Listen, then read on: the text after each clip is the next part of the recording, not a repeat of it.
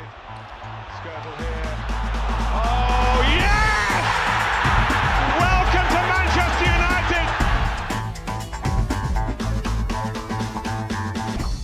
Velkommen til Old Trafford DK podcast. Stedet, hvor vi nørder Manchester United, om bolden den så ruller eller ej. Gennem hele coronaperioden er vi fortsat med at komme på ugenlig basis. I stedet for kampanalyser, resultatgissninger og kampformsdiskussioner, så har vi lavet fanportrætter, transfer specials, syvernørderi og Lego-udsendelse. Det har været sjovt, og det ligger alt sammen i vores bagkatalog på din podcast-app, hvis du ikke har fået lyttet til det endnu. Men vi savner i allerhøjeste grad også at tale på bag- og forkant af egentlige fodboldkampe. Og nu ser det ud til, at der måske endelig er lys for enden af coronatunnelen. I hvert fald så starter andre fodboldligaer i Europa nu. Bundesligaen startede i sidste uge, Superligaen starter i næste uge, og Manchester United, de har genoptaget træningen på Carrington igen. Hvordan har det været at se fodbold? Hvad gjorde det ved oplevelsen, at der ikke øh, var tilskuere på lægterne? Og hvad bør vi egentlig tænke om, at ham der Jadon Sancho, han var bænket i Dortmunds første kamp? Alt det er på dagsordenen i dag, med udgangspunkt i noget, vi taler alt for sjældent om i den her podcast, nemlig tysk fodbold. For at opretholde den rette balance og sikre os, at ingen glemmer, at det her stadigvæk handler 100% om de røde djævle fra Manchester, så har vi også nogle gode lytterspørgsmål i ærmet. Så smæk benene op og lad dig underholde i selskab med mig, Emil Jørgensen, og live for Odense, fodboldfilosofen Jonathan Dam Seldorf. Velkommen til, Jonathan. Mange tak, Emil. Og på en anden brandvarm linje, den hurtigt snakkende fynsk klingende fodboldkommentator Niels O. Tinesen. Mange tak for det. De her, nu har jeg jo allerede talt mine egne fodboldforventningerne så godt grundigt op, at øh, jeg nærmest har lyst til at knappe bare op, selvom klokken den kun er 9 om morgenen. Så for lige at bevare alkoholen i køleskabet og benene på jorden, så bør vi måske starte med en varedeklaration. For det er jo ikke offentliggjort endnu, hvornår Premier League starter igen, og om Premier League starter igen på den her side af sommeren. Det er vigtigt at sige, før vi lader os rive fuldstændig med. Men der er alligevel mere og mere, som peger i retning af, at øh, verdens bedste liga snart sparkes i gang igen. Nils, hvad er det helt præcis for nogle positive indikationer, vi kan, vi kan festne os til i øjeblikket? Altså man kan jo sige, det, det, det største øh, at have hængt sin hat på, det er selvfølgelig det her med, som du også var inde på introen, at klubberne nu er vendt tilbage til træning i en, øh, i en vis grad i hvert fald. Altså de begyndte jo alle sammen at kunne træne fra i tirsdag i små grupper, øh, hvad end det så betyder, om det er så to, tre og fire, og det må klubberne også selv bestemme. Øh, og så er det, det er ligesom første fase. Det er også det, som øh, alle direktører fra Premier League og alle de høje herrer fra Premier League har været ude og sige, at FA, at det er fase 1 i tilbagevendingen til normal fodbold, det er det her med, at træning er begyndt igen. Og det er jo selvfølgelig også et kæmpe boost. Det kan man også se på nærmest samtlige sociale medier fra spillere og klubber, og jeg ved ikke, hvad der omkring. Der begyndte de bare at lægge billeder op af storsmilende spillere med grimme frisyrer, som var vendt tilbage på græs græsbanerne rundt omkring i det engelske. Og det er selvfølgelig noget af det, som også har fået folk til at, at håbe lidt meget mere på, at, øh, at det kan måske lade sig gøre, det her med at vende tilbage til fodbolden allerede fra den mm, 12. juni, som var det, de oprindeligt har haft som, øh, som genstart. Og så er der jo også øh, direktøren fra, fra øh, Premier League, han var ude i går og sige, at øh, han, han, det er sikkert at vende tilbage igen. Det er også noget af det, de har fået momentum nu, de har fået taget de første skridt, og de vil selvfølgelig ikke vende tilbage til træningen, men de er sikre på, at de har skabt et sikkert miljø for spillerne. Øh, var ham her, Richard Masters, altså ude at sige, hvordan det går. Øh, men han sagde så selvfølgelig også, at, at, øh, at det var der, hvor de ligesom havde åbnet op for, at der skulle komme en fase 2. Og det var så det her med blandt andet, at der skulle være kontaktsport med, eller kontaktsport øh, inde i træningen her.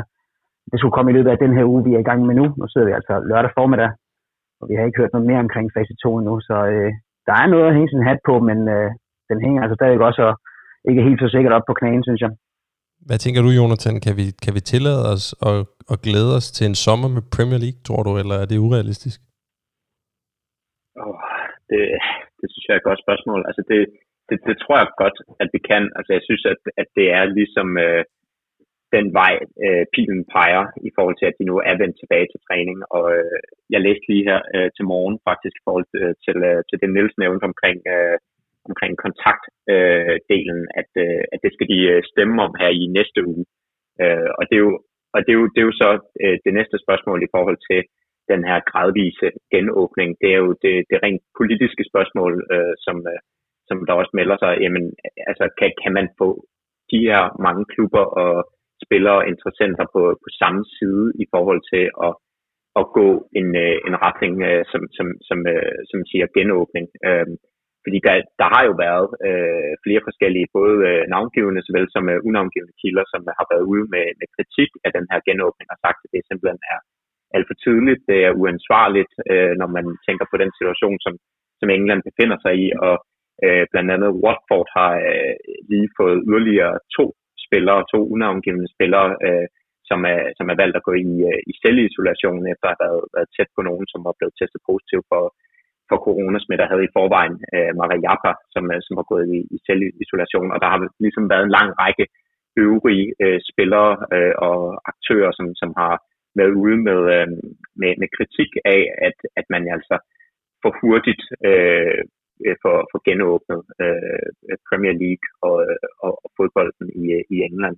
Men, men jeg tror, at, at den her første fase, hvor man er begyndt at se spillerne tilbage på træningsbanen, øh, er, altså kan tolkes som et, øh, et udtryk for, at man bevæger sig i retning mod en, øh, en gradvis genåbning. Hvornår det så lige bliver, om det bliver den 12. juni, eller om det måske først bliver, bliver lidt senere, det, det kan jeg simpelthen ikke svare på nu, men jeg, jeg tror, vi kommer til at se en fodbold med, eller undskyld, en, en sommer med, med, med Premier League fodbold. Det, det både håber og tror jeg på.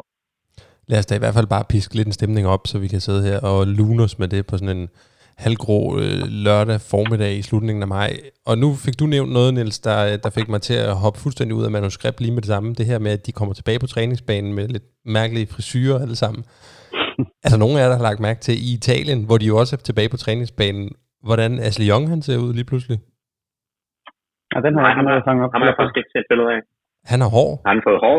Nej. Nå, Manden har, været, manden har været skaldet i 10 år, og det viser sig, at det er ikke, fordi han ikke kan gro hår. Han, han har fået en, en, en fin lille øh, krøllet hårpragt. Er det rigtigt? Det, det Ja, er det kan jeg da godt se her. et, øh, et, et off-topic øh, sidespring, men det kan jeg jo anbefale både jer to og alle andre lyttere at prøve at gå ind og tjekke det ud. Det ser, det ser Ja, skørt det er ud. bestemt et, et klik værd. Det ligner slet ikke Ashley Young. Nej, der er lidt narni over ham lige pludselig, synes jeg. Ja, det, det ser egentlig meget godt ud til ham. Nå, men det er hverken italiensk fodbold eller Ashley Young, det skal handle om i dag. Vi skal i stedet for til Tyskland.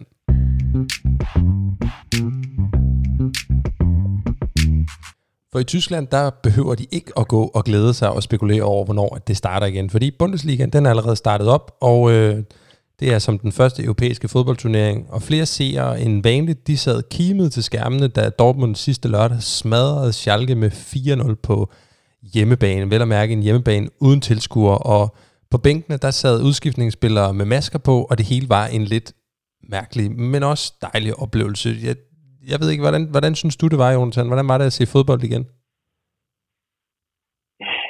Ja, altså, altså nu fik du nævnt, at de ikke skal glæde sig til, eller ikke behøver at skulle glæde sig til at se fodbold, men så kan de jo så stadig glæde sig til, at der igen kommer tilskuere på stadion, fordi jeg synes, øh, jeg synes, at det var, det var en noget tam oplevelse. Altså det, jeg synes, det var, det, det, var, det var lidt en blandet fornøjelse. Øh, på den ene side havde jeg glædet mig utrolig meget til det her gensyn, og jeg synes også, at det var, det var fedt igen at kunne sætte sig ned foran fjernsynet og, og se fodbold, men, men jeg synes bare også, at det var, og jeg synes, det var en mærkelig oplevelse, øh, at øh, dels at der ikke var, var nogen tilskuere, og, og dermed jo så heller ikke nogen stemning, men også at, at de gjorde så stort et nummer ud af at, og, at, at, at fokusere på, at øh, spillerne sad med to meters afstand ude på bænken øh, med maske på, og altså det er jo som om, at det her frirum, som, som fodbold normalvis er fra, fra resten af verden, det, øh, det, det var ikke tilfældet længere. Altså, altså virkeligheden var på en eller anden måde trængt ind på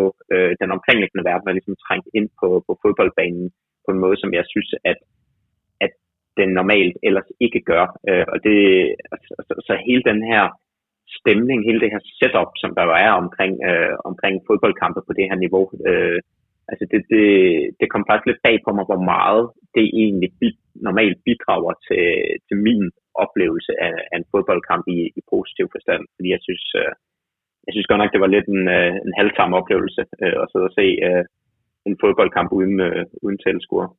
Hvad tænker du, Niels? Du har jo før kommenteret kampe, hvor der ikke har været særlig mange tilskuere, og du har også set i hvert fald en enkelt kamp med Manchester United mod Lask Linz i Europa League, hvor der slet ikke var nogen tilskuere på lægterne. Altså, hvad, hvad er det for et, hvad er det for et, en, et produkt, og ked af at bruge det udtryk, men hvad er det for, hvad er det for en fodboldoplevelse, man lige pludselig sidder tilbage med?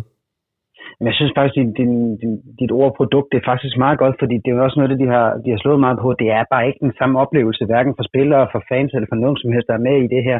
Og så er det godt være, at spillerne de går rundt og siger, at vi lægger ikke så meget mærke til, undskyld, vi lægger ikke så meget mærke til fansen, når vi sådan er nede i, i den intense spilsituation, som, som spillet også kan være. Men altså, de kan jo høre alt, hvad de nævnes indimellem os, internt også. Og det er jo også det, der gør det lidt underligt. Og det er sådan lidt en flad fornemmelse, ikke? og det giver bare et, et, et, et forkert billede af, hvordan fodbold skal ses, øh, både på stadion, men selvfølgelig også hjemme i stuerne. Så derfor så synes jeg, det er ikke det, det er ikke det fodbold, som jeg blev forelsket i. Altså, det, det er bare ikke det samme, men man kan godt sætte sig op til kampene på forhånd. Øh, der kan godt komme en god analyse, en god optakt osv. osv. Nu er det selvfølgelig svært at analysere på form osv., for der har ikke rigtig været noget endnu. Øh, men lige så snart at man kommer til det punkt, hvor spillerne skal gå på banen til et tomt og ja, jo faktisk lydløst stadion, jamen så, så, så brister den der boble, man nærmest bare havde af forventning, den som, den som Jørgensen også var inde på, den her forventningsglæde, den her boble af, oh, nu skal vi til at se fodbold igen, med alt, hvad det indebærer. Og så går der bare fire sekunder fra man er på tv-signalet, til man kommer i tanke om, nå nej, det er ikke rigtigt det samme. Altså jeg sad også i går og var helt ærgerlig over, at uh, i går fredag aften, at jeg ikke lige nåede at kunne se med på, øh, på starten af, af berlin mellem uh, Hertha Berlin og Union Berlin, på det store olympiske stadion i, i, i, i Tyskland. Fordi jeg, sådan, jeg havde glædet mig til at se, hvordan fase ville tage imod det her, og det var først en time efter kampen, det gik op for mig. Nej, for helvede, det er jo lige meget. Der var jo ikke til at score på stadion. Så, så var jeg så, det, så jeg skulle lige med, med den kamp egentlig. Og det er ikke en fornemmelse, man skal sidde med som fodboldfan. Det er ikke, fordi jeg har noget imod den tyske liga. Jeg kan godt lide andre ligaer mere. Men den tyske liga er satme også god, også på tribunen. Men det er bare ikke det samme. Og spørgsmålet til en million her, det er jo selvfølgelig, kan Premier League der i den grad brander sig så meget på hele den her stemning omkring fodboldkampen. Kan den, altså, kan den fungere i den her udgave? Altså det, det, og det, synes, det, synes jeg, øh, det synes jeg faktisk ikke. Altså det, det, jeg tror, vi er så hungrende, så den vil kunne godt overleve i de resterende kampe, der er tilbage i den her sæson. Det tror jeg godt, fordi vi simpelthen har siddet og også kunne se nogle af de andre ligaer, undskyld, andre ligaer begynder at, at bolden ruller igen. Men jeg tror ikke, at vi fra starten af næste sæson, hvis der ikke er tilskud på der, det tror jeg simpelthen vil ramme som en hammer. Øh, så jeg tror, vi skal til at have tilskud tilbage igen. Det snakker de også om, der er muligheder for, men hvis der ikke er tilskud, så tror jeg simpelthen, det, det, det, det kan ikke lade sig gøre på den lange bane. Ja, jeg, jeg er helt øh, på linje med Niels. Altså på, på den lange bane tror jeg virkelig, det bliver et problem for, for Premier League. Øh, og der, der er jo selvfølgelig altså den her undtagelsestilstand øh, over det, som, som, som gør, at, at man jo selvfølgelig accepterer det på den korte bane, og især sæsonen ud, også fordi man ved, hvad det har af økonomiske konsekvenser at få spillet sæsonen færdig. Øh, og så, så, så jeg tror, man vil, man vil acceptere det, øh, og man vil, man vil også øh, langt hen ad vejen øh, have, have forståelse for, at det, det er det der omstændighederne øh, sæsonen ud. Men for, for, hvis vi taler fra næste sæson, og måske endda en sæson efterfølgende også, altså uden tilskuer, så tror jeg, så tror jeg simpelthen, at øh, ja, for øh, igen at, at, at, at bruge øh, udtrykket produkt, så tror jeg simpelthen, at det, det, den markedsværdi, øh, som, som fodbolden som produkt har fået opbygget her over øh, de sidste øh, par årtier, jeg tror simpelthen, at den vil styrtdykke, fordi det er bare ikke det samme produkt at, at sælge øh, som, øh, som tv-kanal, hvis ikke, øh, hvis ikke der er alt det rundt omkring fodbolden, så er det lige pludselig bare 22 øh, mænd, som er gode til at spille fodbold. Man kan også se lidt over i forhold til, da, da tv-stationen skulle begynde at reklamere for, at nu kommer fodbolden tilbage igen, så noget af det første, nogle tv-stationer det var, gjorde, det var jo også at sige, nu vender Superligaen tilbage igen, men uden dem her, hvor de første 15 sekunder, det var bare billeder af fans, der bare jublede og, og, og, og gav den gas. Og så er det bare sådan, ja, yeah, nå, nå, ja, ja, det er, det er sgu super fedt, så ikke? Så det, øhm, det er helt sikkert, det, det, tror jeg ikke, at det vi kunne lade sig gøre uden fans på en lang bane. Nej, og det er måske ikke nogen overraskelse overhovedet, men derfor er det jo på en eller anden måde sådan lidt dobbelttydigt, ikke? fordi jeg har det både lidt øh, vemodigt med, at, øh, at som du også siger, Niels, det er ligesom om, at der er sådan en boble, der bristes, når det er, man sidder har gejlet sig op til, at man skal se en Bundesliga-kamp, og så er det bare, føles det lidt som en discountvare, eller som en træningskamp. Men på den anden side er der også noget opmuntrende i, at få bekræftet en gang for alle, at det her spil, det fungerer bare ikke uden os, eller uden tilskuere. Altså, de er fuldstændig afhængige af os til, eller af stemningen til at sælge den her mega, mega dyre vare, som, som tv-stationer, de kaster milliarder efter, ikke? Og, og det synes jeg da i hvert fald også sådan, måske ikke stof til eftertanke, men det er da i hvert fald, øh, det er da i hvert fald noget, som, som bliver nemmere at påvise i fremtiden også, at prøv at høre, hvis ikke at, uh, I behandler tilskuerne ordentligt, så, så, har I ikke, altså, så har I ikke nogen forretning længere. Jeg synes, det giver rigtig god mening også i forhold til, nu vi sidder og snakker om den, øh, den tyske liga, Bundesligaen her, hvor de jo har den der 50 plus 1 regel, øh, med at øh, fansene også skal høres, og, og faktisk også, den har den største stemme i, i de fleste beslutninger, der foregår i klubberne, øh, så giver det jo mange god mening, at det vil også bliver bevist på ugenlig basis, hvor vigtigt det er med tilskuer. Og for lige at vende tilbage til den specifikke øh, liga i Bundesligaen, og den kamp, vi startede med at snakke om, nemlig Dortmund mod Schalke, så, øh, så var der jo i hvert fald med Manchester United-brillerne en spiller, som man nok havde glædet sig lidt til at se, og det er jo Jadon Sancho, som i forhold til et eventuelt skifte til, til vores klub allerede føles som verdens længste fløt og forspil. Han var jo ikke med fra start, og øh, Jonathan, du skrev øh, i en chat med mig og Niels, at du synes, han så ud til, at han havde taget et par kilo ekstra på på sidebenene også. Har, øh, har ja. Sancho slappet lidt for meget af her i coronapausen? Altså, det, det, det, det er jo selvfølgelig svært at, at, at vurdere bare på, på baggrund af, at, at de, de få billeder, jeg så er. Øh, men, men men det var, det var en tanke, jeg sad med, at øh, jeg synes, han, han mindede mig en anelse om, øh, om Eden Hazard, da han øh, først ankom mm. til, til Spaniens hovedstad. Øhm, at, at det virkede som om, at han ja, måske havde, havde, havde altså, ikke brugt corona-pausen øh, allermest fornuftigt i forhold til at, at sørge for at, at stå øh, fuldstændig knivskarpt, når, når, når sæsonen blev genoptaget. Øhm, og det, det jo undrede mig faktisk. Det, det kom, kom lidt bag på mig. Øh, også fordi, altså det, at, nu ved jeg godt, at, øh, at Dortmund fik det på mange niveauer til at se ud som en, øh, en træningskamp mod Schalke, men det, men det var jo et, et, et lokalt derby, som, som, øh, som man jo på forhånd havde øh, talt op til at, at være en, en intens affære, hvor man da må formode, at, at det er de, øh, de bedste spillere, man, man spiller med fra start. Og her synes jeg bare, det var i øjnefaldene, at Jadon Sancho han blev sparet. Hvad, hvad, hvad det har været udtryk for, det, det skal jeg selvfølgelig ikke kunne sige. Altså, det kan jo også være, at, øh, at det har været med tanke på, at han skulle stå fuldstændig skarpt til, til kampen mod Bayern München. Men, men jeg synes bare, det var underligt, at han ikke var i en forfatning, hvor man tænkte, jamen selvfølgelig skal, skal han øh, bringes fra, fra start.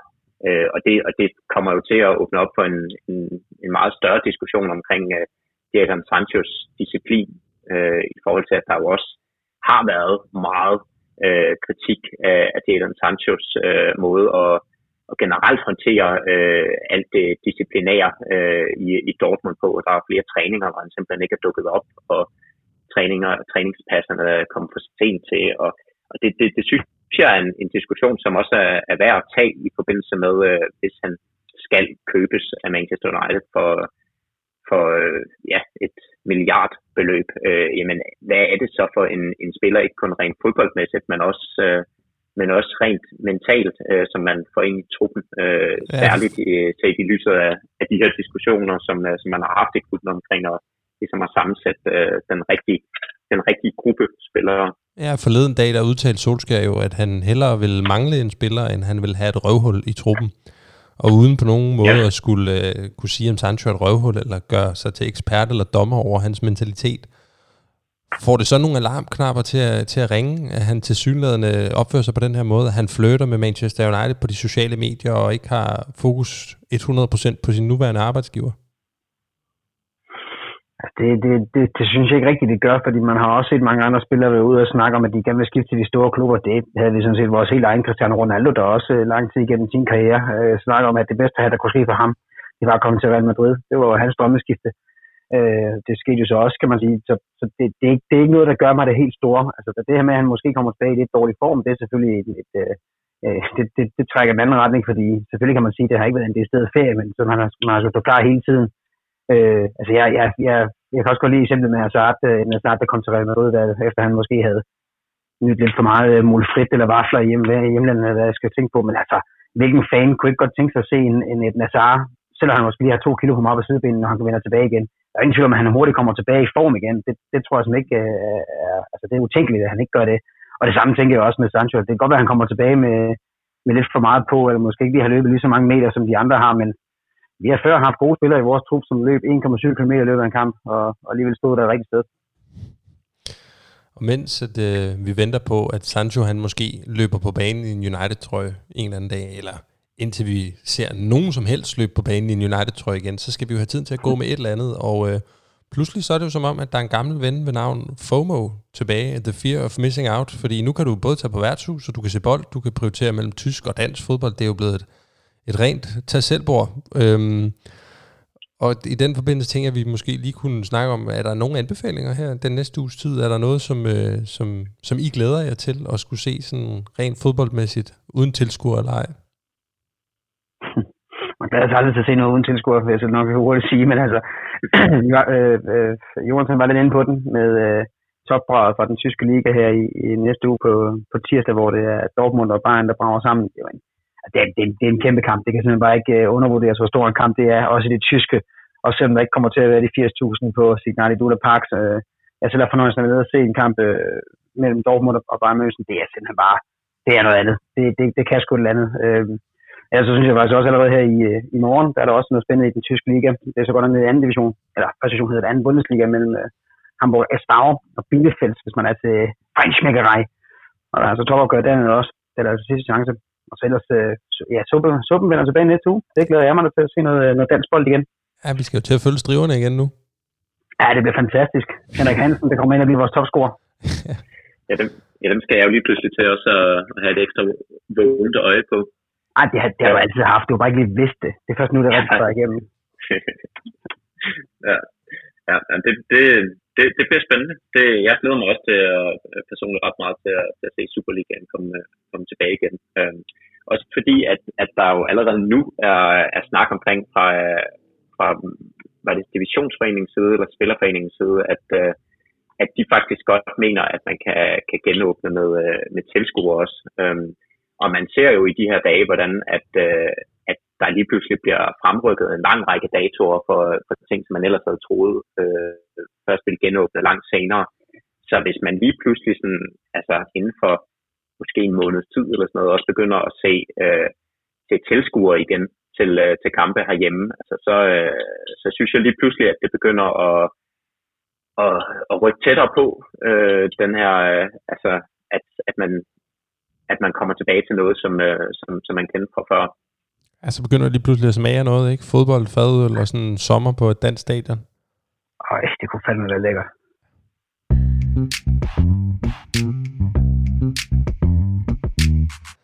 Men nu må vi hellere få den her podcast tilbage på Manchester United-sporet igen, som vi havde lovet, og det er blevet tid til lytterspørgsmål. Vanen tro, så har vi fundet tre frem, og øh, det første, det er fra Danny Lavgaard Røgen, som øh, stiller et spørgsmål med en ret så markant indbygget præmis, synes jeg. Han spørger, hvorfor har vi ingen reelle nier og uddyber selv? Der er, det er konsekvent kantspillere eller offensive midtbanespillere, der spiller ude af position fremme. Burde United ikke rekruttere flere angribere, både til eget brug, men også til salg? Offensive spillere koster oftest mere end defensive spillere. Tak til Danny for det spørgsmål, som i virkeligheden er rasende aktuelt, eftersom at vores øh, indlejrede Nigerian Player of the Year, Odion Igalos, aftale, den udløber ved udgangen af maj, altså om 8 dage fra, fra nu, øh, hvor han så formentlig skal tilbage til Shanghai. Og det betyder jo så, at vi har øh, en nier mindre. Men lad os, lige, lad os lige bryde det her spørgsmål lidt op og tage en ting ad gangen. Hvor mange nier mener I egentlig United har lige nu? Jamen, altså, vi, vi diskuterede jo lidt på forhånd, hvad, hvad man egentlig forstår ved nier, og hvis man, hvis man forstår en nier som den allerforreste spidsangriber, øh, jamen, så har vi i som man vel svært kunne se på andre positioner. Øh, ham har vi lidt endnu. Øh, så har vi øh, så har vi jo også, hvad jeg mener, selvom at han ikke har, er blevet brugt på den position, så fandens meget, så har vi jo også Mason Greenwood, som, øh, som, som jeg ser øh, ideelt set som en, øh, som en øh, regulær angriber. Øh, og derefter, jamen, så, øh, så vil, jeg, vil jeg give ham ret i, at så er det spillere, som, som, øh, som er så alsidige og fleksible øh, i deres øh, måde at tilgå angriberpositionen på, at, at de vel lige så vel kan ses som, øh, som fløjspillere, såvel som, øh, som angriber. Og her tænker jeg på Alexis Sanchez, Antonio Martial og, og Marcus Rashford. Mener du virkelig ham, der bærer nummer 9 lige nu, Martial, han ikke er en, øh, han ikke er en frontangriber? Ja, det mener jeg faktisk. Altså, jeg ved godt, at, øh, at Ole Gunnar Solskjaer gerne vil, øh, vil, vil gøre ham til øh, en nier, og det, og det kan også godt være, at han, øh, at, at han virkelig øh, altså, vokser ind i den rolle, men, men oprindeligt øh, var han jo øh, en fløjspiller, altså, øh, øh og blev også i den, den, sin første periode i Manchester United brugt på, på venstre kanten, hvor jeg faktisk synes, han gjorde det rigtig godt. Så, så det kommer også an på, hvad det er, man forstår ved, øh, ved, ved, ved den her angriber- eller nier-rolle, fordi på mange måder kunne jeg jo godt se ham som en, en Thierry Henry øh, type, som, som, øh, som jo var angriber, men som også øh, i virkeligheden øh, havde en, øh, en lidt, øh, lidt nyskabende og utraditionel måde at tilgå den her angriberposition på, ved, ved tit at komme ud fra, fra, fra venstre siden af, og så, og så trække ind i banen. Øh, men jo, altså, altså i den her øh, sæson er han jo klart blevet, øh, blev brugt som, øh, som angriber, jeg synes, og i øvrigt også øh, med, med stor succes. Vi har jo haft nogle stykker af de her, hvis vi bliver enige om, at nieren er den såkaldte frontangriber, boksspiller, tanken op foran. Vi har jo haft typer som Zlatan Ibrahimovic, Romelu Lukaku og før det øh, Radmal Falcao også her i de senere år, som, som vil personificere den her type her. Og man må sige, de har jo haft skiftende held, øhm, men spørgsmålet er, om, om, om grunden til, at vi ikke har flere af den slags, er at det, øh, det simple svar, at, at det simpelthen ikke er den type angriber, Ole Gunnar Solskjaer gider at bygge sit hold op om, og det er også derfor, at vi lige nu, øh, efter sine er klar til at betale en, en mindre formue for, for ham der, Jadon Sancho, til klubben, som jo også er den her offensiv kantspillertype, som, som kan dække flere positioner op foran, men som jo ikke er, er angriber i traditionel forstand. Det er også noget, det jeg, jeg, jeg hæfter mig ved, det er også det her med, altså, så vi også på, hvad er en nier? Altså, der er også helt den her klassiske diskussion omkring den falske nier, som trækker lidt med ned i banen, og er nieren, er det ved at blive ham, der ligger lige bag ved angriberen, som skal støde bolden til en, der bare ligger og hammer ind, altså, så, så nieren deltager mere i spillet, øh, og, og, det tror jeg er noget af det, som Socia han gerne vil. Jeg tror gerne, han vil have langt flere til at deltage i, i spillet nærmest over hele banen, og derfor ser vi også nogle, nogle bevægelige typer oppe foran, altså det der med en tankcenter for, det tror jeg sgu ikke er så meget, øh, selvom han også har spillet sammen med et par typer øh, af den slags under Solskjaer gennem sin karriere så tror jeg mere, at han vil have nogle typer, som er, som er let på fødderne og kan bevæge sig hurtigt rundt.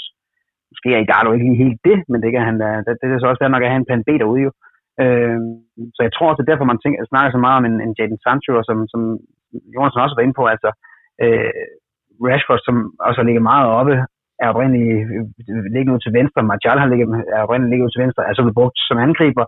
Altså, de, de skifter meget rundt, og det er også det her med bevægeligheden i offensiven, som, som er, det, det er en styrke ved hvert eneste hold, fordi det er også svært for et forsvar at dække op for. Hvem skal du, skal du så holde din mand? Skal du så holde din position?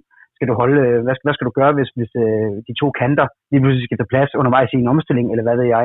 Og det er det her uh, uforudsigelighed, som jeg tror kommer til at byde mere og mere ind, som også gør, at man har brug for de her typer, som Jadon Sancho, frem for måske en decideret stor mand, der ligger op foran. Vi havde jo lidt diskussionen tilbage i januar faktisk, i forbindelse med øh, rygterne om øh, Holland og hans hans øh, skiftes til, til, før han kom til Dortmund, da han blev rygtet til Manchester United, hvor der var sådan en, en herlig United øh, selvfed diskussion, hvis vi skal prøve at se lidt indad, ikke? Altså, hvor, hvor vi ligesom diskuterede, er Holland noget, vi kan bruge? og ikke, sådan, ikke omvendt, om, om Holland er noget, United kan bruge. Og der må man sige, se i retrospekt, der kunne vi sgu nok godt have brugt Holland. Han har i hvert fald gjort det rimelig solidt i den gule trøje, men men der gik diskussionen... Eller man måske skulle have noget medietræning. Ja, men der gik diskussionen jo lidt på, kommer han til at skygge for Mason Greenwood, og er der plads til sådan to store talenter, og er han intelligent nok til den måde, Ole Gunnar gerne vil spille på, osv. osv. Og det er ikke fordi, at det, øh, vi skal sidde nu og tage den op igen, og øh, sige, at der var nogen, der tog fejl, der var nogen, der ikke tog fejl, men den, den diskussion, den blotlagde jo ligesom også, hvad det er for en slags fodbold, vi gerne vil spille, og den der romantiske forestilling, som som man, man har om, at da United vandt The Treble, der havde vi fire klasseangriber, der alle sammen scorede over 20 mål i Sheringham, Cole, York og Solskjaer, og da United vandt Champions League i 2008, der havde vi både Carlos Tevez, Ronaldo, Rooney, og øh, året efter fik vi Berbatov også. Den, den holder måske bare ikke i dag. Altså det er måske bare en anden type angriber, man skal bruge i dag. Altså, øh, jeg, jeg ser ikke, at det er nødvendigt, at vi har en, noget, der svarer til en Cole, York, Sheringham og Solskjaer i dag, men, men en Rashford, Martial, Greenwood, og så måske noget andet. et, et fjerde supplement, så synes jeg faktisk, vi dækket ret godt ind. Altså, om, det, om han så lige hedder Igalo, eller han hedder noget andet, så, så synes jeg egentlig, at, at, at, vi ser, at vi ser fine ud på toppen. Ja, det, det ja, ja, ja ja, altså jeg tror også, at det er et udtryk for, at øh, som, som I også øh, begge to er, er, er inde på, at, at fodbolden har, har simpelthen, simpelthen ændret sig i forhold til, hvad man, hvad man tidligere forstod. Øh, med, at, en, at det var en, en angriber, man, øh, man skulle sparke bolden hen til, som skulle, øh, skulle have den sidste fod på, øh, på bolden, før den røg i kassen. Altså, der, man ser få af de typer tilbage. Altså, der er en Jamie Vardy og øh, ja, i og for sig også øh, Aubameyang, selvom han også øh, øh, til tider har, har spillet ud på kanten for, for Arsenal.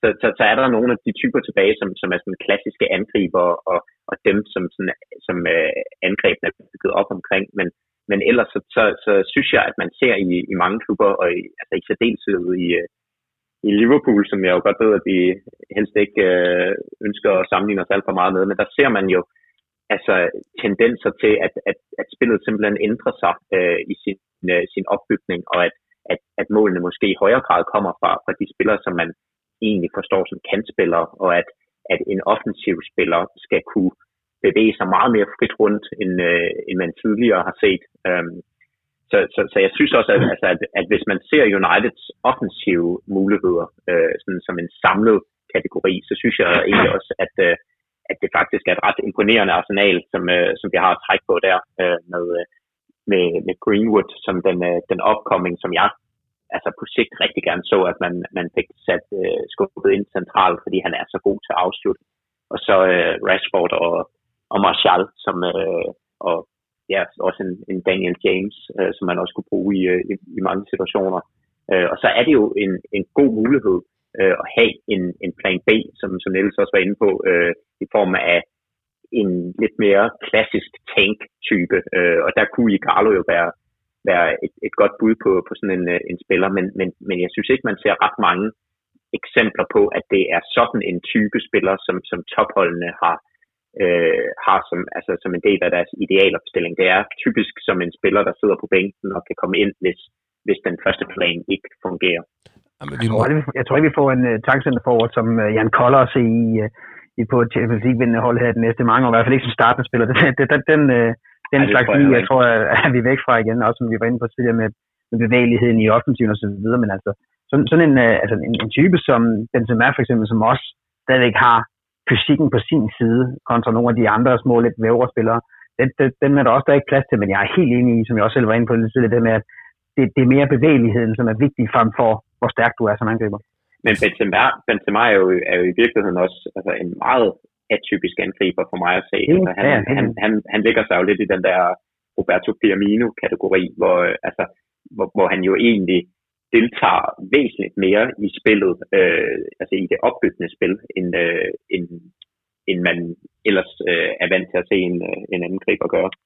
Men for lige rundt den her diskussion af med øh, Igalo, der hvor vi startede, nu øh, kan vi jo være ærlige og sige, der var ikke nogen af os, der havde så høje forventninger til The Nigerian Player of the Year, da han kom i slutningen af transfervinduet i januar, men han har jo virkelig tilføjet en dimension til Manchester United 12.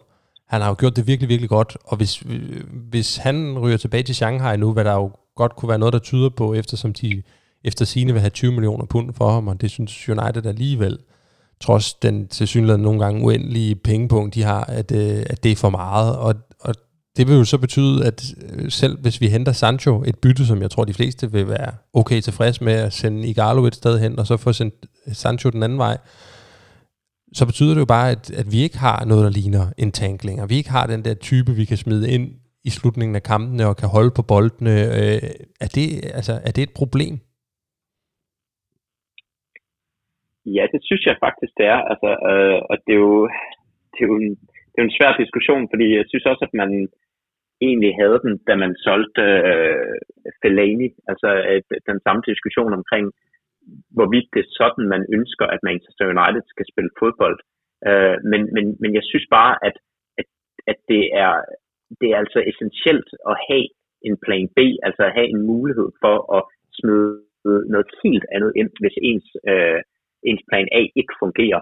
Øh, fordi vi, jeg tror godt, vi alle sammen kan blive enige om, at, at man, man ønsker ikke at se Manchester United blive bygget op omkring øh, typer som, som Igalo eller Fellaini øh, som en del af idealopstillingen. Men det er bare så utroligt øh, godt et våben at have i forhold til at, at, at, at bringe noget fleksibilitet ind i truppen og øh, at få modstanderen til også at, at skulle forberede sig på, på, på nogle andre scenarier, end, end at det bare er den samme type spillere, som, øh, som man smider ind, hvis, øh, hvis tingene ikke fungerer. Så, så jeg tror, at jeg, jeg, jeg tror ikke, at det er tilfældigt, at man så i Garlo gå ind og få så stor succes for Manchester United. Jeg tror simpelthen, det er, fordi han gik ind og, og udfyldte et tomrum, som, øh, som man havde, havde manglet øh, i forhold til at, at, og simpelthen have en anden type offensiv spiller, hvis, øh, hvis det ikke lige fungerede, som man havde, øh, man havde øh, rettet ud med. Ja, så tror jeg også, at øh, det, det er helt enig med det, Jonathan siger. Jeg tror også, det er vigtigt for medspillerne at vide, at der kommer en plan B ind. Altså en ting er, hvis man har tre små vævertyper liggende op foran, som driver gik med et uh, tungt centralforsvar ved, lad os bare sige, en engelsk, uh, midt engelsk, engelsk klub, ikke? Altså sådan en de der, som virkelig har nogle tunge drenge liggende nede bag i forsvar. Og hvis det her tre i angrebet har løbet panden mod muren igennem 70 minutter, så er det også bare vigtigt for dem at vide, okay, vi kan stadig sætte en stor, stærk motherfucker ind ved siden af os, som kan bryde den her mur ned, og så kan vi få lov til at se lidt mere. Så det er ikke kun, at modstanderne har noget at forholde sig til, og det er også, at medspillerne får en, en, ja, lige pludselig får en, får en plan B omkring sig, og har det der mentale boost omkring, det er ikke gået godt de første 70 minutter, så ved vi, at der kan komme noget ud fra bænken af os og hjælpe os. Så for at lige samle op her og svare sådan mere eller mindre direkte på Danis spørgsmål, hvorfor har vi ingen reelle ni, og burde vi rekruttere nogle flere? Det har vi ikke, fordi at det, det ikke er den måde, Ole Gunnar Solskjaer gerne vil spille på, tænker vi. Og øh, vi behøver måske ikke at gå ud og købe en Jan Koller-type, men vi ser alle sammen gerne, at Igalo han bliver et år mere, gør vi ikke det? Tre.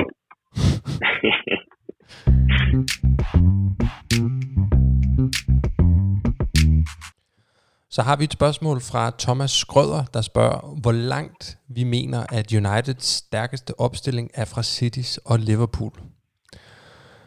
Det er jo en af dem, som vi tager med jævne, jævne mellemrum, det her. Men det er jo altid en, en sjov leg lige at prøve sådan at, at tage temperaturen på, hvor langt er vi fra dem, som vi havde allermest, og vi gerne vil overhale så hurtigt som muligt igen. Og nu, øh, nu spørger Thomas jo direkte omkring det her med stærkeste opstilling. Og det er jo væsentligt lige at huske, fordi at jeg synes, at der, hvor der er den største forskel, det er jo i bredden i trupperne. Altså, bortset fra forsvarskæden, hvor United seriøst har så mange midterstopper, at de kunne stille et, et regulært syvmandshold med dem, så ser vi, så ser vi tynde ud. Altså, og det synes jeg ikke Liverpool gør. Det synes jeg slet, slet, slet ikke City gør i nogle af deres kæder. Der er jo ikke nogen tvivl om, at Jesse Lingard og Andreas Pereira, de havde ikke fået særlig mange minutter på hverken Citys eller Liverpools midtbane i, i den her sæson. Men bredden er jo en ting.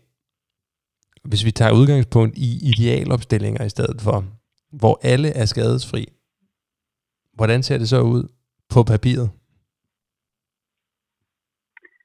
Ja, altså, øh, åh, det, er jo, det er jo altid ærgerligt og altid pæse det, jeg mister nærmest altid lysten til at leve, når jeg siger, at vi er lidt efter skavserne, men det er vi jo. Altså, det, det, det kan vi jo bare ikke undgå. Altså, måske på modmandsfronten, der er vi, der, der er vi synes, stadig godt med. Jeg er stadig rigtig glad for, for der, det kræver mig bare at sige. Øh, og så har vi så sådan en Henderson, som måske kan komme ind og lege med der også. Øh, men ellers, altså forsvarsmæssigt, der synes jeg faktisk, vi er godt med i forhold til City. Øh, jeg synes ikke, deres bakkæder sådan, hvem vil de, altså i forhold til vores, hvorimod Skavsernes med måske verdens bedste forsvarsspiller lige pt, og måske verdens bedste bakpar lige pt, der, der er vi bare, altså, der er vi, der er vi, der er vi overfra at være på det niveau der. Øh, så, så der mangler vi noget i den bagerste kæde i hvert fald. Så det ikke, om vi, lige, om vi andre vil byde ind på, på de to positioner, så kan vi tage midtbanen og angrebet frem efter. Ja, altså jeg, jeg, jeg er egentlig meget, meget enig med dig. Altså jeg synes, øh, jeg synes faktisk, det var, det, det, var, det var sjovt at lave de her, øh, altså prøve at lave de her idealopstillinger, øh, fordi mm. Liverpool, den gav jo mere eller mindre sig selv. Altså der var måske to spillere, som man kunne øh, være i tvivl om, men ellers så var de, øh, de første ni i hvert fald øh, altså skrevet på holdkortet øh, til at starte med. Cities, den havde jeg godt nok svært ved at, ved at lave faktisk. Øhm, og, og, og, og særligt nede i bagkæden, der synes jeg, mm. der, der synes jeg faktisk, at de ser svage ud. Øh, altså især når, øh, når Laporte han ikke er med, altså, så, så, så synes jeg faktisk, at det ser, ser virkelig vakkelvognt ud nede i, øh, nede i Citys forsvar. Og der, der synes jeg jo, at, at United efterhånden med, med Shaw, Maguire, Wan-Bissaka og Lindeløf, og så måske, hvis man det er jo mit eget personlige lille håb, kunne, kunne få Bailly øh, op i omdrejninger igen. Altså, så synes jeg faktisk, at man har en, øh, en ret øh, stærk firebakkæde med, med, med en, en topklasse øh, målmand bag dem.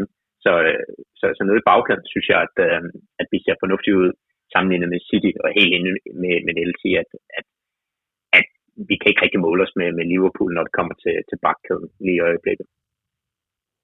Jamen, jamen så, så for diskussionens skyld her, så vil jeg erklære mig en lille smule uenig med jer, fordi jeg har siddet og mm. kigget på det og tænkt, hvis man tager vores idealopstillinger, hvor alle er skadesfri, så synes jeg, mm. at vi på papiret ikke er ret langt fra deres niveau. Altså, hvis vi oven i købet lige snyder lidt og forestiller os, at vi henter Sancho til højre kanten, og så kan stille en offensiv bestående af ham, Martial og Rashford, så mener jeg faktisk næsten, at vi er der, altså på papiret. Og det er derfor, jeg bliver men, understreget på papiret, fordi det du ikke kan se... Men på taler, du hele, tal, taler du hele opstillingen nu, eller, eller kun uh, bakkæden? Nu taler jeg hele opstillingen. Nu, nu okay. jeg beklager, okay. nu, nu springer jeg lidt okay. videre med det her. Men, ja. Men, men det, det, der også er i den her diskussion, det er, at sådan navnene på et teamsheet, kan du bare heller ikke bruge til særlig meget, hvis du spørger mig. Mm. Fordi spiller for spiller, så synes jeg ikke, Liverpool har en trup, der burde dominere, som de har gjort det i, i europæisk fodbold de seneste par år. Men de har bare et hold, altså de har bare sådan en sammentømret enhed, der som kollektiv præsterer på et vanvittigt niveau, som var det, som Sir Alex Ferguson også fik sin United-hold til at gøre, og det er jo lige præcis det, United har manglet siden, at Skotten han gik på pension. Vi har jo haft masser af stjerner, og sådan savlfremkaldende startopstillinger med Van Persie, Di Maria, Falcao, Schweinsteiger, Mkhitaryan, Ibrahimovic, Lukaku osv., men det har bare ikke rigtig fungeret som, som hold, og jeg, jeg synes egentlig, at den store styrkeforskel mellem os og City og Liverpool lige nu, er ikke i spillermaterialet på papiret, men, men i, i, i holdet, og måske også i selve manageren. Altså, at det er der, de stadigvæk bare er stærkere end os. At Jürgen Klopp og Pep Guardiola bare er en faktor. Selvom jeg synes, Ole Gunnar Solskjaer har gjort et hederligt stykke arbejde. Ja, jeg er helt, helt enig, og det, det, er, det er faktisk noget, der skal jeg skrive ned. Altså, jeg har, ja, det er skrevet ned, at det her i min egen note her, det er ikke startopstillingen, vi mangler mest for at kunne konkurrere med de to klubber. Det er simpelthen en større kapacitet på man, i managerstolen, for at vi kan være konkurrencedygtige med de to allerede fra næste sæson. Uh, altså, jeg er på ingen måde Ole out, det har jeg sådan set uh, aldrig været. Uh, jeg synes altid, det kunne være sjovt at se sådan en, en, sin egen dreng gør jeg også til et mesterhold, men jeg, jeg kan simpelthen bare ikke se det for mig. Altså, det, det kan jeg altså ikke. Øh, jeg vil ønske, jeg vil ønske at tage fejl om, øh, næste sommer, når vi bliver mestre. Øh, men jeg tror sådan ikke på det, så det, det er mest af alt managersiden, vi er, vi er længst bagefter. Ja, ja, ja, ja, jeg er helt enig, og, altså, og, og, og hvis man går op og ser hele øh, truppen, altså hele start øh, elveren, så, så, så, så er jeg enig med dig, Emil, at jeg synes, jeg, så synes jeg egentlig heller ikke, at Manchester United er ret langt fra. Jeg synes faktisk, at, at det begynder at, øh, at, at se rigtig fornuftigt ud øh, med, med, med det hold, som, som vi kan stille. Øh, men, men ja, som, som, som du siger, så er der jo bare så meget mere i det, end at, øh, at kunne stille øh, 11 øh, spændende navne. Altså, det, det, det er simpelthen et, et spørgsmål om at få, få holdet til at præstere som en, som en enhed, og så at få det optimale ud af sine spillere, og det synes jeg, det synes jeg måske også er der, hvor, hvor Manchester United i en lang periode, sådan, altså, at der, der har vores, vores, øh, vores holdkort lidt snydt i forhold til, hvad, hvad, hvad, hvad de så rent faktisk gik ud og, og præsterede på banen. Fordi hvis man bare har kigget ned over den liste af spillere, som Manchester United råder over, så vil man jo som udgangspunkt sige, jamen det er jo, det er jo nogle fremragende spillere, men når man så kommer på banen, jamen, så, så, så ser man lige pludselig en Jordan Henderson og en uh, James Milner præstere på et højere niveau end, end Paul Pogba, for eksempel. Og det er jo, det er jo bare, altså, det, det var jo ikke det, som, som man havde forventet, at, uh, at, at, uh, at man ville se, hvis man, uh, hvis man kun kiggede på navnene. Ja, øhm, og, der, og der har jo lige været, så, præcis været sådan en uheldig tendens til, at de ikke bare, altså ikke alene har de ikke overpræsteret United-spillerne, de har jo ligefrem underpræsteret rigtig mange af dem, både de helt store stjerner og også bare de gode spillere. Altså, du ser sådan en som Daily Blind, som, som var en marginalspiller i United året efter, der fører han Ajax til en Champions League-final. Næsten. Hvis ikke lige Tottenham havde stået vejen. Angel Di Maria, som var øh, altså som var faldt fuldstændig igennem, går til Paris og, og præsterer på et højt niveau der. Sanchez har ikke lige gjort det i Italien endnu, men, men, men det virker bare som om, at vi får ikke det optimale ud af spillerne i, i de her år. Men der synes jeg, hvis, hvis vi lige sådan skal prøve at vente til noget positivt her, for at runde den her diskussion af også, så synes jeg, man kan se øh, man kan se nogle tegn på, at kurven måske begynder at vende lidt. I mm. den forstand, at vi i de sidste par år efter Ferguson gik på pension, der synes jeg, vi snakkede hele tiden om, åh, det materiale, vi har, det er alt for godt, og vi får ikke nok ud af dem, og Mkhitaryan og Zlatan Ibrahimovic, og den bedste spiller fra den tyske liga og fra den øh, spanske liga, Erik Bailly, og, men, men det, det fungerer bare ikke rigtigt til, at vi nu lige nærmere de, det seneste års tid har vi jo faktisk snakket om, truppen er ikke god nok, eller sådan, vi har, vi har snakket om, spillerne er, er, er simpelthen ikke, det materiale Solskjaer har, er, har ikke været godt nok, men de præsterer det bedste, de kan. Altså, er I enige med mig i det, at, at det er som om, at det, at det er vendt lidt her det seneste års tid? Ja, altså det er, jo, det er jo lidt den samme trup. Selvfølgelig har vi fået en tilføjelse i en vis øh, portugiser, som Bruno Fernandes, som jo har gjort, os, har gjort det hele meget bedre. Ikke kun på banen, men altså også, hvis man kigger på truppen. og selvfølgelig har det jo fungeret bedre. Det kan man jo ikke øh, benægte, når vi kommer når vi gik ind til den her coronakrise med, var det 11 kampe i streg uden nederlag. Øh, så selvfølgelig er det begyndt også at se bedre ud, men vi ved også bare, eller i hvert fald, vi er i hvert fald opmærksom på, at der skal ikke så meget til, så kan det også bare se rigtig, rigtig skidt ud igen. Det, det, det er sgu ikke lang tid siden, vi tabte kampe øh, hjemme mod Burnley. Ja, det er det jo så efterhånden efter den lange afbrydelse, men hvis vi ser i, i, i formmæssigt, så var det ikke lang tid siden, vi tabte hjem til Burnley, hvor vi sad og tænkte, okay, det her hold, det skal bare kasseres, og så må vi bare starte helt forfra. Og en halvanden måned senere, så skulle vi snakke om, okay, vi kan faktisk godt komme med i Champions League, måske kan vi lege med i Champions League næste sæson også, ikke? Så det, det, det går bare lynhurtigt, som vi også har været inde på masser af gange før. Men jo, jeg er helt enig i, at tendenserne lige nu gør, at vi, at vi, øh, at, at vi godt kan være med, hvor det begynder at blive sjovt igen. Og så synes jeg måske også, at noget, som, øh, som faktisk er, er værd at tage med af positive ting, det er, hvis man, hvis man ser på, øh, på, på alderssammensætningen af trupperne, så synes jeg jo faktisk, at Manchester United med, med, med den trup, som, som vi har lige nu, øh, ser ud til at være, være rimelig godt stillet i forhold til, øh, til både Liverpool og City, som, øh, som for mig at se, i hvert fald City står over for, øh, for, for nogle øh, generationsskifter øh, her det, det næste stykke tid, øh, som, som jeg ikke synes øh, er, er lige op over i, i Manchester United. Altså vi har faktisk efterhånden øh, er vi ved at få, få sammensat en, øh, en kerne på, på det her Manchester United-hold, som er bygget op omkring rigtig unge spillere, så, så, så hvis, hvis man kan få altså holde på de spillere og få, få, få øh, udbygget den interne forståelse mellem dem, så, så, så tror jeg faktisk, øh, at, at det på sigt godt kan komme til at se, se spændende ud med, med det her Manchester United-hold.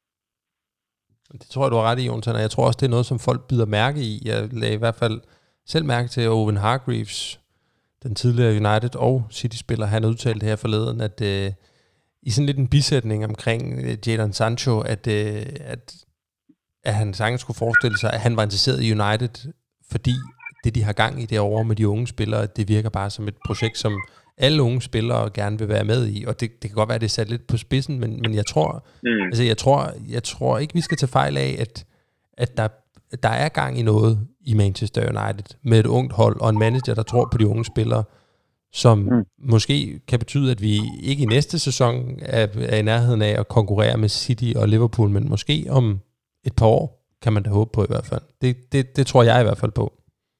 Ja, hvis man leger lidt med den tanke om, at det rent faktisk henter Jadon Sancho, altså, så kan vi jo faktisk mønstre en fronttrio, som hedder Rashford, Martial og Sancho, og så med en Mason Greenwood i, uh, i skyggen af dem til at, at, at blive kørt i stilling som, uh, som den næste. Uh, det, det, synes jeg, altså, det synes jeg nærmest er, at, at tæt på, i hvert fald potentielt set, øh, at kunne være en af de stærkeste fronttrioer i, i, i verden. Og så en midtbane med måske Paul Pogba, Bruno Fernandes og øh, Scott McTominay som, som anker. Uh, Fred, Fred ja, som Fred. reserve. ja. altså, ja. altså, vi kommer til at se, vi kommer til at se rigtig dumme ud, når vi ikke henter Jadon Sancho, men til gengæld, når vi så gør det, så kommer vi fandme også til at se gode ud. Ja. Lad os, uh, lad os slutte på den note. Vi er ikke helt der, hvor City og Liverpool er endnu, men uh, vi, er, vi er på vej. Vi nærmer os. Soon.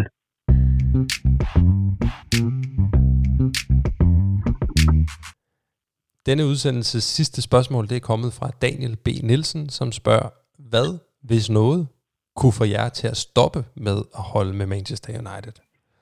Som I kan høre, så har jeg gemt det hyggeligste her til sidst. Det er jo et spørgsmål, som nogle gange popper op, specielt i forbindelse med, med, med spørgsmål om ejerskab af klubben. Der Malcolm Glazer, han købte United for lånte penge i 2005, der brød en gruppe United-fans ud og startede FC United of Manchester. Og da historierne om saudiernes interesse i at købe United, de tog til styrke for et lille års tid siden, der skubbede alene rygterne mange af os ud på fortvivlelsens rand. Fordi hvad ville vi egentlig gøre, hvis Mohammed bin Salman han pludselig ejede vores klub? Og det er vel sådan noget, vi er ude i, tænker jeg ikke, Jonathan og Niels, at, øh, for jeg tænker ikke, at, at sportslig nedtur, nedrykning eller svigtende, manglende mesterskaber vil føre til, at I ikke holder med United længere. Så håber jeg i hvert fald ikke, I vil indrømme det. Ej, der skal sgu lidt mere til end bare en, en trofælig sæson eller otte. Men hvad tænker du så, Niels? Er der, er der, kan du forestille dig noget, der vil gøre, at øh, du vil lægge den United, øh, den røde United-trøje på hylden? Puh, altså Altså det nemmeste svar, det er jo, det er jo bare at sige, altså det, det, det sjove er, at jeg har en, øh, en, ikke en god kammerat, men en bekendt, som, som var Chelsea-fan. Og når jeg siger var, så er det netop fordi, at han gik rundt med både en, en Chelsea-ring på fingrene, og jeg ved ikke, hvad, han gik virkelig meget op i det. Men så snart øh, uh, Roman Abramovic han overtog klubben, uh, og ligesom var den første rigmand, der begyndte at komme ind i klubben, uh, ind, i, ind i fodbold på den måde i England, og han ligesom kunne se, hvor det begynder bare henad, jamen så fra dag et, så skar han simpelthen bare nærmest alle sine forbindelser til Chelsea, og, og sagde, det, det, det kan jeg simpelthen ikke se mig selv i. Han kunne ikke se sig selv i at være fan af en klub, der var ejet af sådan en, øh, sådan en russisk, øh, skal ikke bare sige, lidt suspekt type. Øh, og det havde jeg selvfølgelig stor respekt for, men jeg kunne heller ikke sætte mig ind i det. Øh, altså, jeg, jeg tror, der er ikke noget, der vil kunne stoppe mig fra elske United. Altså, det, det er der simpelthen ikke, fordi den, den kærlighed, der er efterhånden er til klubben, den er simpelthen så stor, så det, det, der er ikke noget som helst, der vil komme til at ændre på. Der vil måske være noget, som kunne få mig til at følge mindre med, altså måske se færre kampene, det er fandme også, altså, så er vi også ude i noget med, at det virkelig skal være en suspekt ejer, som kommer ind, altså, øh, og hvem, hvem det så skal være, og sådan noget, det vil jeg ikke sætte noget op for, fordi så kan jeg lige pludselig komme til at se rigtig dum ud, hvis, hvis vi får en eller anden, en anden uh, suspekt type her om en halv års tid. Så altså, der er aldrig noget, der vil kunne få mig til at stoppe med at elske klubben. Øh, det, det tror jeg simpelthen ikke på. Øh, men, men selvfølgelig vil det være ting, som måske kunne få mig til at følge lidt mindre med. Altså, det, det, det var der også, da, da Glazer overtog. Altså, der begyndte jeg da lige pludselig at kigge lidt mere på, på FC United og Manchester. Jeg kunne bedre lige den måde, som hele det koncept er bygget op på. Jeg har også været over at se en, ja, en lille håndfuld kampe med dem efterhånden. Øh, og det er jo også det, det er jo fedt at komme tilbage til græsrødderne på den måde der. Men altså, hvis jeg skal vælge mellem at se de to hold der, så er det altid Manchester United, der vil, der vil stå først for mig. Det er altid United, der vil stå først for mig. Lige med hvad, hvilket hold man sætte op nu at skulle se. Ja, det er jo, øh, det er jo en diskussion, som, som jeg husker, vi også havde lidt mere konkret i forhold til, som jeg nævnte før, Mohammed bin Salman, hvis han mm. kom og overtog, overtog klubben. Og det er, jo, det, er jo, det er jo den slags spørgsmål, som er så meget lettere at sidde og, og svare skråsikkert på, før det sker. Ja. I, I forhold til, når det sker. Og, og jeg tror, i virkeligheden, så så kan man ikke rigtig svare ordentligt på det, før man har oplevet det. Altså, fordi det, det er så nemt at tage den position, også i forhold til sådan noget som Manchester City for eksempel, at det er fuldstændig forrygt og flosser morale, at de, at de kan stå ved og holde med, med et klub, som, som har de bagmænd, som de har, men, men det er også bare meget nemt at stå og sige på den platform, som, som vi står på. Altså ikke, at Malcolm Glazer og vores ejerskab er, øh, er de fineste fyre, øh, men, men ja, jeg synes sgu, jeg, jeg synes sgu, det er et svært spørgsmål, fordi det, det bliver også meget teoretisk. Mm. Ja, altså det, det, det, det bliver jo i sagens natur sådan rimelig kontrafaktisk og, og hypotetisk, altså hvilket scenarie kunne man forestille sig, der vil blive opstillet, for at man ikke kunne se sig selv som Manchester United-fan længere, fordi der hvor vi er nu, tror jeg, hvis det ikke at det er nogen statshemmelighed, at vi alle tre stadig øh, holder med klubben og følger klubben og interesserer os for den. Og det er jo på trods af, at der er sket ret mange ting siden øh, altså i hvert fald øh, siden at, øh, at jeg oprindeligt kastede min kærlighed på klubben der tilbage i slutningen af 90'erne. Altså det er jo, det er jo på mange måder en, en, en helt anden klub, som, øh, som man, øh, man kigger på i dag. Men der er bare stadig nogle, øh, nogle røde tråde, som, som, som jeg alligevel synes United har været, været dygtige til sådan, og, og, og, be, og i hvert fald forsøge at bevare i forhold til øh, følelsen af en vedvarende identitet. Og det, altså det, det er jo i høj grad sådan nogle ting som, som klublogo, som navnet, som at man stadig spiller på det samme stadion, at man altså, gør meget ud af at og også at fortælle omkring den her historie og lade den blive en, en, en vigtig og integreret del af, af, af klubbens nuværende fortælling, at, at man har haft øh, de her koryfæer øh, før i tiden. Øh, det ændrede selvfølgelig rigtig meget, da, da, da Ferguson stoppede, fordi der var det sådan, som om, at der så også blev, blev sluttet et kapitel øh, og skulle til at skrives et helt nyt, og det har, skal guderne vide, ikke været øh, specielt velskrevet, øh, men, men, men der har jo alligevel været et, et forsøg på sådan at, at bevare den her øh, fortælling omkring, at Manchester United gør tingene på en bestemt måde, at virkeligheden så har haft svært ved at, at øh, understøtte den fortælling af, af, en, af en helt anden sag.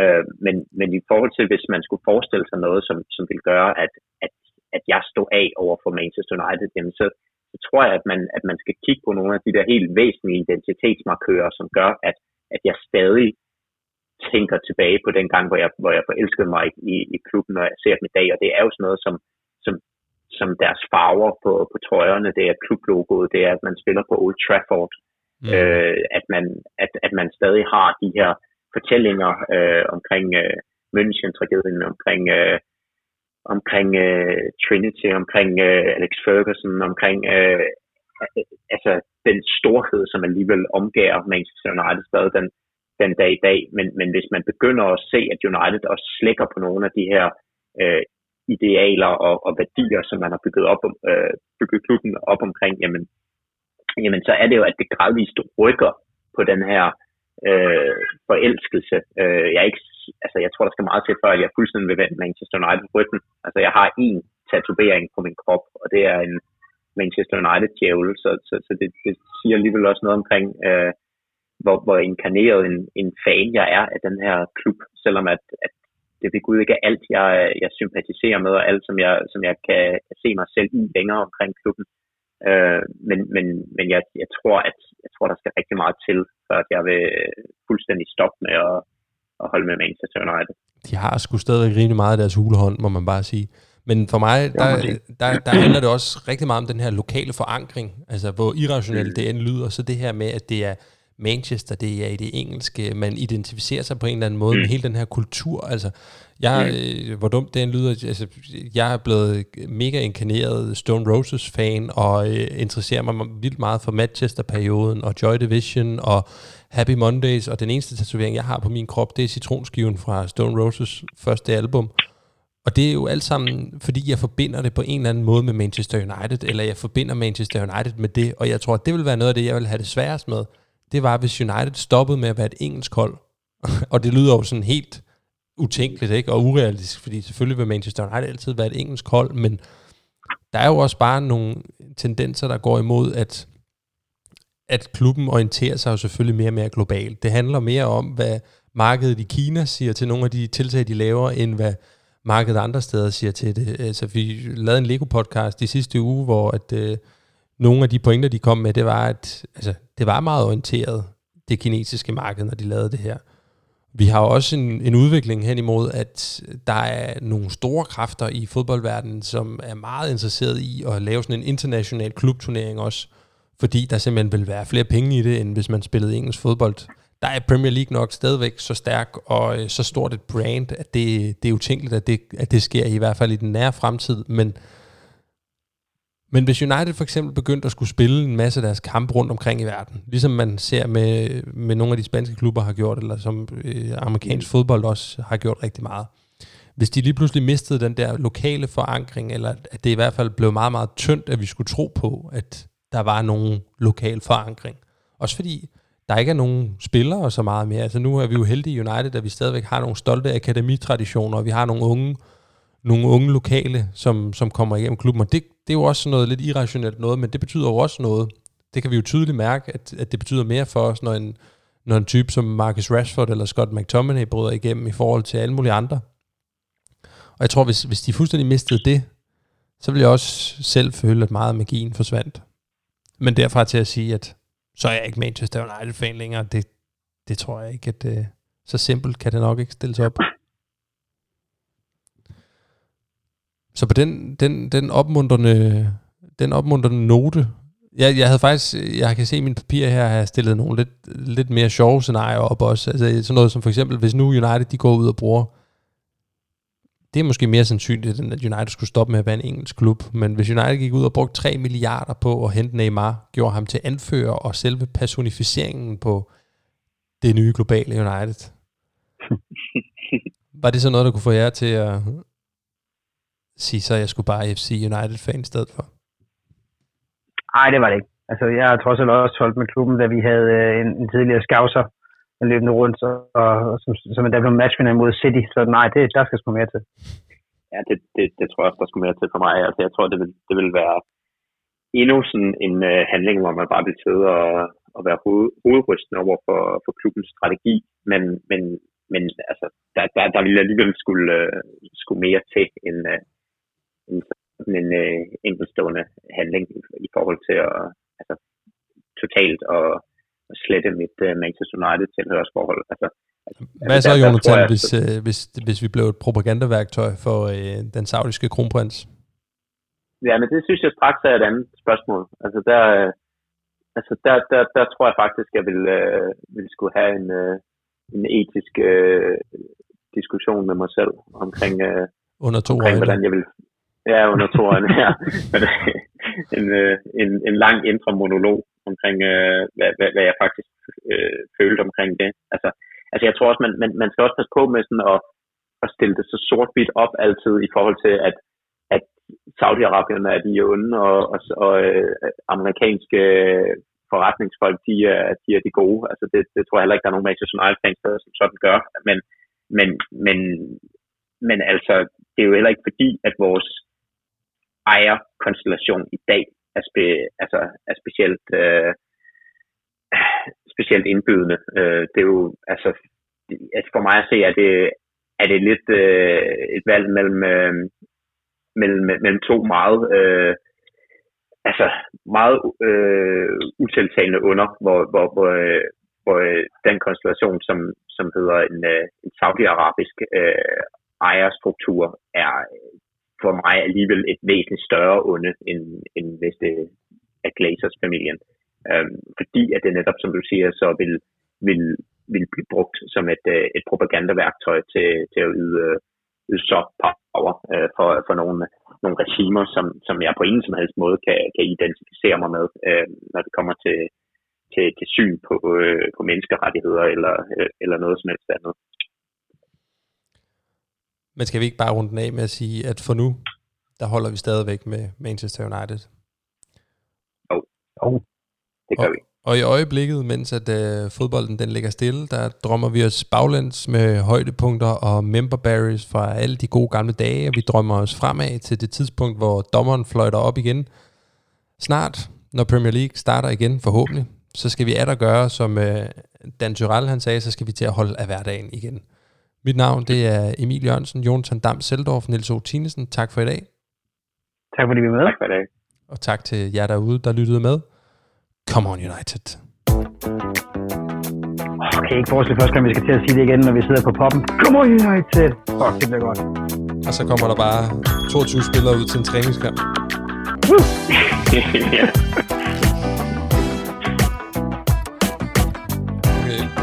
tre minutter fra øh, at holde det under en time derinde. Ja, vi kommer tættere og tættere på. Ja. Det lykkes sgu nok aldrig helt.